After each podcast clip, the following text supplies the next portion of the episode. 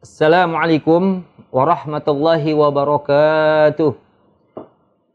Alhamdulillahil mubdi'il mu'id, al-fa'ali lima yurid, al-kabiril muta'al, al-wahidi bila mithal, al-musufi bikulli sifatil jalali wal kamal. Wassalatu wassalamu ala Sayyidina Muhammadin alladhi arsalahu Allah syahidan wa mubashiran wa nadhira وداعيا إلى الله بإذنه وسراجا منيرا وعلى آله وأصحابه ومن تبعهم بإحسان إلى يوم الدين. أما بعد فإن أحسن الحديث كتاب الله وخير هدي هدي النبي محمد صلى الله عليه وسلم وشر الأمور محدثاتها فإن كل محدثة بدعة وكل بدعة ضلالة وكل ضلالة في النار. Kita lanjutkan pemirsa sekalian. Pelajaran kita dalam ilmu akidah. Kita sampai pada bait nazam. Qala nazim rahimahullah wa ba'du fa'lam bi wujubil ma'rifah min wajibin lillahi 'ishri nasifah. Fallahu mawjudun qadimun baki mukhalifun lil khalqi bil itlaqi. Berkata An-Nazim rahimahullah wa ba'du fa'lam bi bil ma'rifah. Al mufradat wa ba'du ay ba'da zikril basmalah. Walhamdalah wassalati wassalam jadi wa ba'du di sini ya ba'du kita ketahui dari dhammah di sini karena ya ini maknanya setelah apa? Ba'da zikril basmalah setelah mengucapkan basmalah hamdalah dan selawat pada Nabi wasallam fa'lam biwujubil ma'rifah. Katakanlah olehmu akan wajibnya mengetahui artinya biwujubil ma'rifah hakikatul ma'rifah. Hakikat daripada ma'rifah. Apa hakikat daripada ma'rifah? Ma'rifat ini yakni pengetahuan. Al jazmul muwafiqu lil haqq keyakinan yang sesuai dengan kebenaran.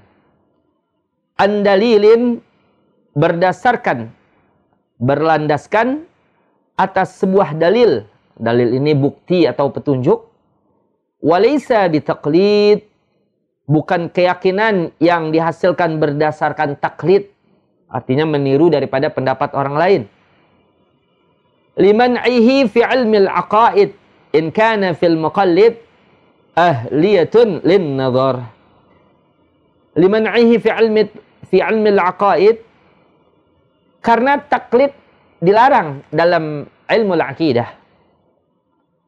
In kana fil muqallid ahliyatun lin nazar meskipun orang yang bertaklid tersebut memiliki potensi untuk mempertimbangkan dan merenungkan sesuatu. Ahliyatun lin nazar bil itlaqi ay min ghairi taqyidin bi ba'dil wujuh. Bil itlaq maknanya apa bil itlaq? Ay maksudnya min ghairi taqyidin bi ba'dil wujuh. Tanpa terikat dengan aspek apa pun. Bimakna annahu ta'ala mukhalifun lil khalqi fi jami'il wujuh. Dalam artian bahwasanya Allah Subhanahu wa taala berbeda dengan makhluknya pada seluruh seginya. Arsyarh satu penjelasan. Yajibu ala kulli mukallafin. Wajib atas setiap mukallaf baligh berakal. Ya muslim baligh berakal. An ya'rifa min sifatillahi ta'ala. Untuk mengetahui dari sifat-sifat Allah Ta'ala al-wajibah.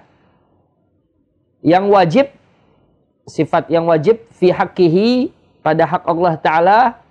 Apa makna al-wajib di sini? Wahuwa ma la yutasawwaru fil akli adamu. Artinya ma la yutasawwaru fil akli adamu sifat-sifat yang tak terbayangkan oleh akal akan ketiadaannya.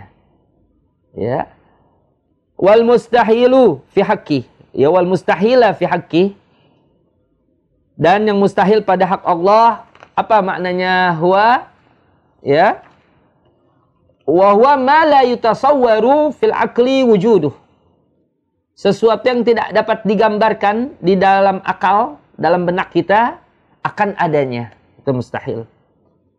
Wal jaiz adapun jaiz fi haqqi pada hak Allah taala wa huwa ma yasihu fil aqli wujuduhu wa adamu. Sesuatu yang sah pada akal ada dan tiadanya. Demikian, ya. Wa kadza yajibu alaihi an ya'rifa mithla dzalik fi haqqi Rasul alaihi wassalatu wassalam. Demikian pula wajib atas mukallaf bermakrifat, mengetahui seperti yang demikian tersebut pada hak para nabi para rasul alaihi wassalatu wassalam. Wa bada an-nazim fi hadhihi al-abyati bi dzikri ma yajibu fi haqqihi ta'ala.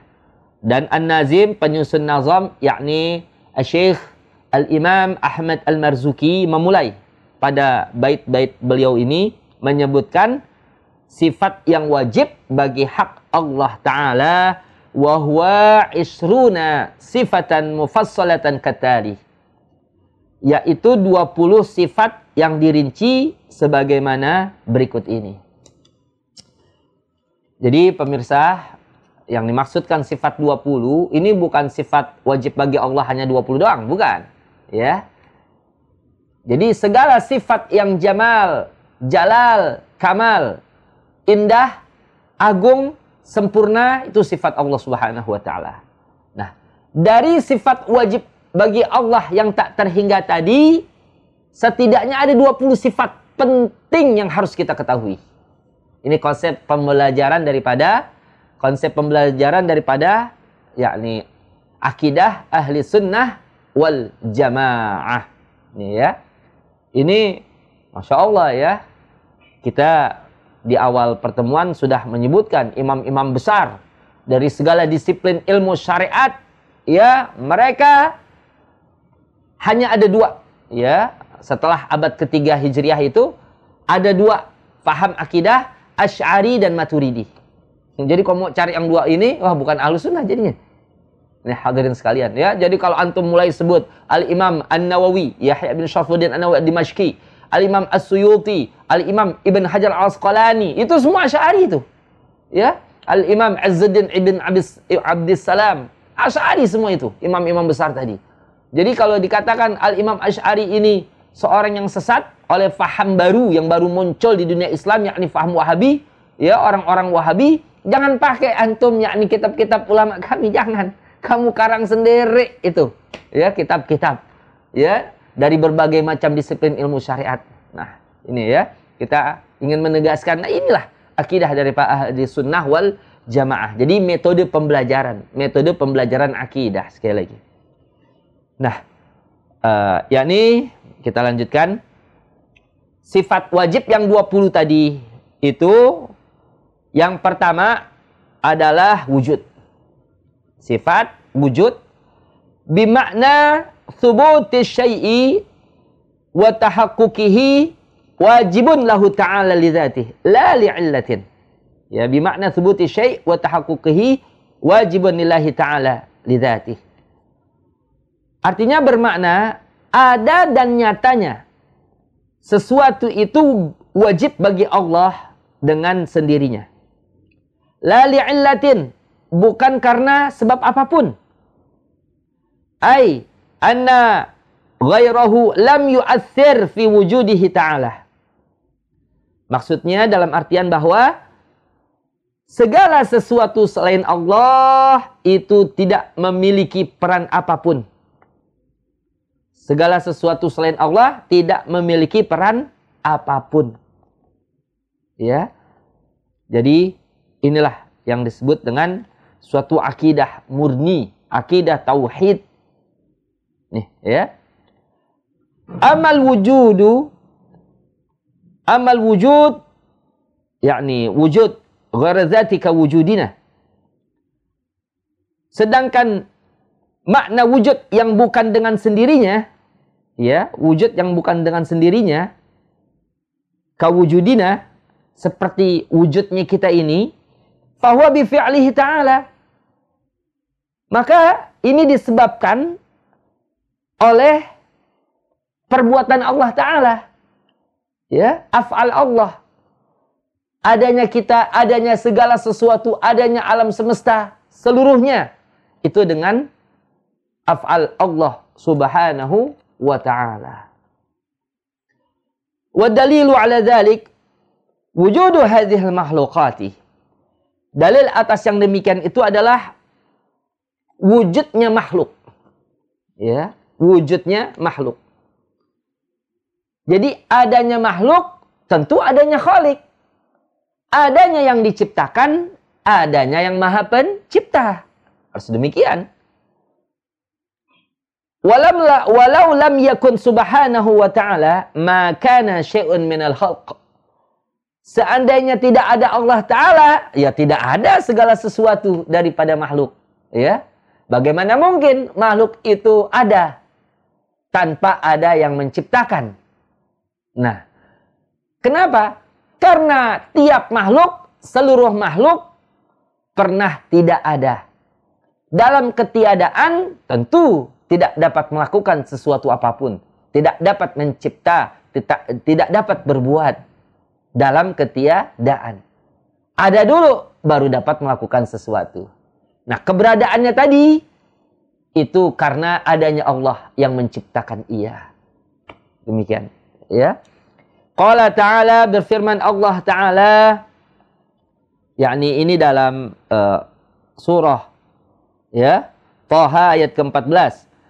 Innani ana Allahu la ilaha illa ana fa'budni. Sesungguhnya aku adalah Allah. Sesungguhnya aku adalah Allah. Tidak ada Tuhan selain aku maka sembahlah aku. Wa qala ta'ala berfirman Allah ta'ala awalam yatafakkaru fi anfusihim? Ma khalaqallahu as-samawati wal arda wa ma bainahuma illa bil haqqi wa ajalin musamma. Wa inna katsiran minan nasi bi rabbihim lakafirun.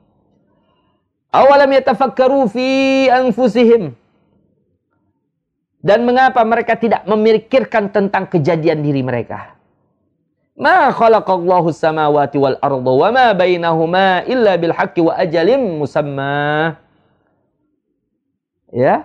Tidaklah Allah menciptakan langit dan bumi dan apa-apa yang ada di antara keduanya illa bil haqqi wa ajalim musamma. Melainkan dengan tujuan yang hak dan waktu yang ditentukan. Wa inna kathiran minan nasi biliqa'i rabbihim lakafirun.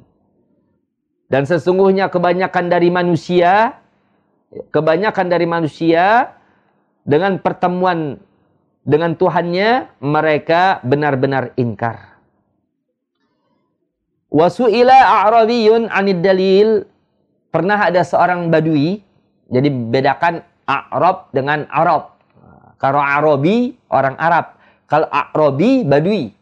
yakni mereka yang uh, tinggal di dusun-dusun, pedalaman-pedalaman padang pasir, Arabi disebutnya. Pernah ditanya anid dalil tentang bukti adanya Allah, faqalah berkata badui tersebut Al-ba'ratu tadulu 'ala al-ba'ir al-hamir wa atharul aqdam 'alal masir fasama'un dhatu awraj wa ardun dhatu fijaj wa biharun dhatu amwaj ama tadullu 'ala sani' al hakim al qadir al 'alim kotoran unta itu menunjukkan adanya unta. Ya. Kotoran keledai menunjukkan adanya keledai. Bekas telapak kaki itu menunjukkan ada sesuatu orang yang berjalan di atasnya.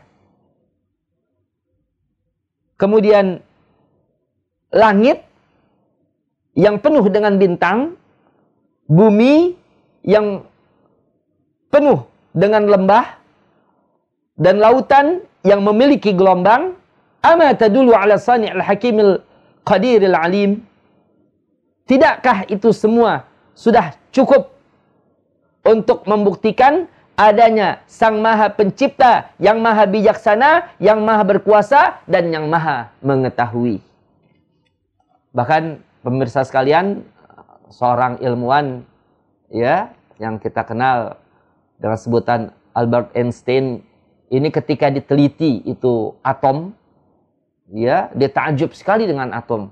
Ini luar biasa. Teratur sekali, tidak bertabrakan satu sama lainnya.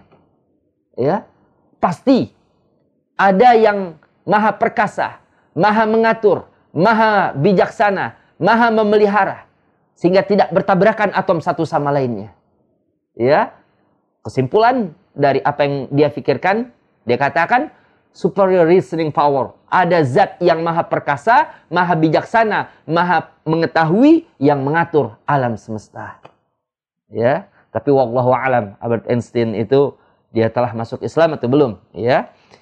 Nah, e, pemirsa sekalian, bahkan yakni e, Fir'aun sendiri, Fir'aun ini seorang yang zolim, yang jahat, e, ya raja zolim, Ramses ya, Ramses uh, Maneptah Ramses II ini yang memerintah pada masa Nabi Allah Musa alaihissalam yang pernah mengaku sebagai Tuhan di akhir ajalnya dia menyatakan beriman. Ya, dia menyatakan beriman.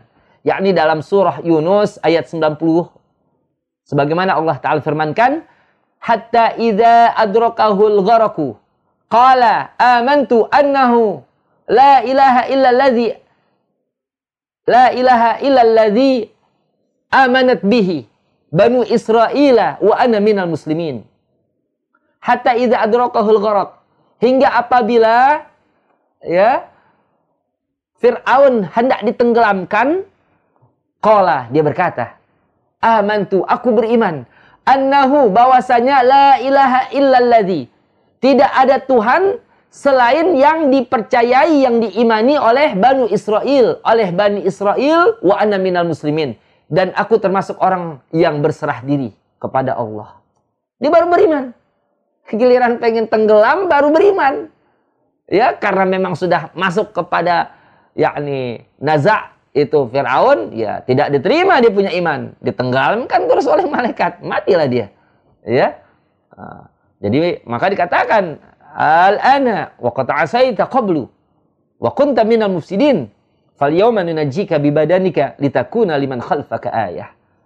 Hadirin, ya, itulah berkesudahan orang yang percaya Tuhan, yang mengingkari wujud Allah Subhanahu wa taala. Kenapa hadirin? Karena memang ini kita manusia sebagai makhluk Allah, kita tidak bisa melepaskan perasaan adanya Tuhan. Ada tertanam Allah ciptakan di tiap hati manusia ini rasa keberadaan adanya Tuhan. Insya Allah. Bahkan orang-orang musyrik di zaman Nabi pun mereka tak dapat mengelak. Ini orang-orang musyrik di zaman Nabi tak dapat mengelak. Ini ada dalam surah yakni Luqman ayat ke-25 Allah Taala berfirman, "Wala in sa'altahum wala in sa'altahum man khalaqas samawati wal arda la yaqulunna Allah." Qul alhamdulillah. Qul alhamdulillahi bal aktsaruhum la ya'lamun. Wala in sa'altahum man khalaqas samawati wal arda dan sungguh jika kau bertanya kepada mereka, siapa yang menciptakan langit dan bumi? Ya, Nabi diperintahkan, wahai Nabi, kalau engkau bertanya kepada orang-orang musyrik, itu siapa yang menciptakan langit dan bumi? Tentu orang musyrik akan mengatakan, la Allah. Niscaya pasti mereka akan mengatakan Allah.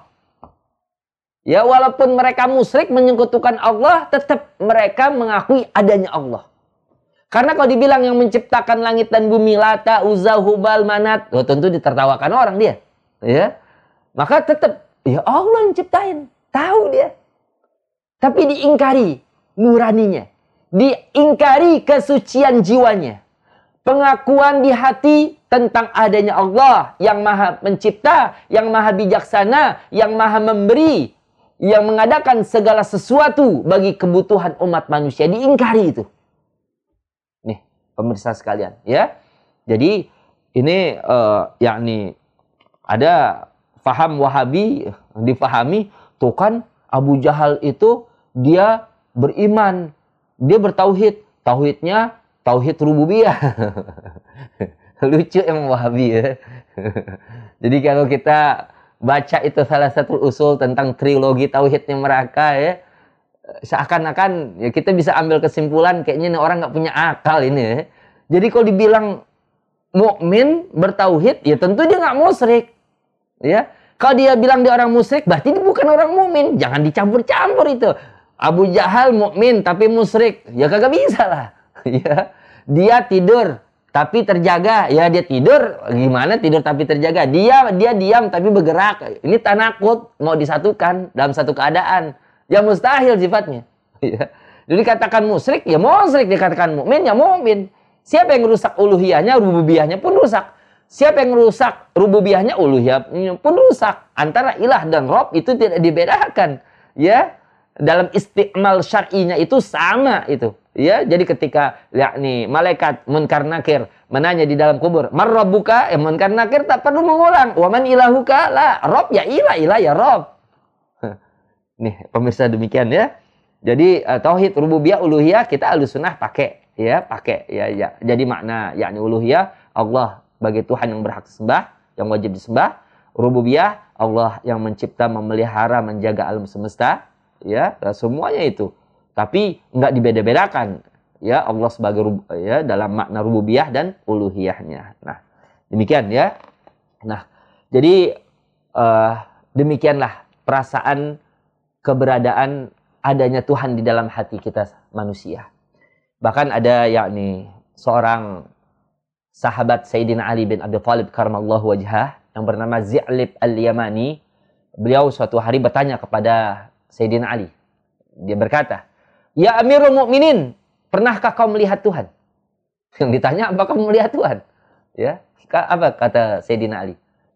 Bagaimana mungkin aku menyembah sesuatu yang aku tidak lihat? Penasaran ini Zi'lib al-Yamani. Uh, berarti Sayyidina Ali, Amirul Mukminin ini melihat Tuhan. Bagaimana kau melihat Tuhan? Ditanya lagi Amirul Mukminin, Sayyidina Ali bin Abi Thalib karamallahu wajhah. Apa jawab Sayyidina Ali? La tarahul uyunu bimusyahadatil ayan. Walakin tudrikuhul qulubu bihaqaikil iman. Allah tidak dapat dilihat oleh mata dengan pandangan yang nyata. Akan tetapi keberadaannya dapat dijangkau oleh hati dengan hakikat keimanan. Allah jauh tapi tetap bersama segala sesuatu. Allah dekat tapi tak dapat disentuh. Ya hadirin sekalian, ya. Karena jauh dan dekat ini bukan bicara jarak bagi Allah. Karena jarak bicara tempat. Tempat itu makhluk dan Allah tidak butuh kepada makhluk. Ya, dan Allah tidak butuh kepada makhluk. Jadi Allah jangan dikatakan di langit, di bumi, di sana, di sini. Lah. Berkata di mana Tuhan itu merupakan suatu pertanyaan yang tak layak bagi zat Allah Subhanahu wa taala ya termasuk bagaimana Tuhan, mengapa Tuhan. Lah itu pertanyaan tidak layak bagi Allah. Nah, penting ini. Penting sekali ilmu ilmu akidah pemirsa sekalian. Ya, mudah-mudahan kita bisa terus mempelajari akidah ahli sunnah wal jamaah ini sedalam-dalamnya biar kita paham. Karena apa? Karena lewat akidah yang murni inilah akan lahir amalan-amalan salih yang insya Allah makbul diterima di sisi Allah subhanahu wa ta'ala. Demikian pemirsa apa yang dapat kita bahas, kita kaji pada waktu sekarang ini. Semoga bermanfaat untuk kita semua. Semoga Allah jaga akidah kita. Sampai mati kita tetap memegang akidah ahli sunnah wal jamaah. Sehingga Allah tutup usia kita semua dalam husnul khatimah. In uridu ilal islah, wasata'tu wa ma taufiqi illa billah, tawakkaltu wa ilaihi unib, hadanallah wa iyyakum ajma'in. Wassalamualaikum warahmatullahi wabarakatuh.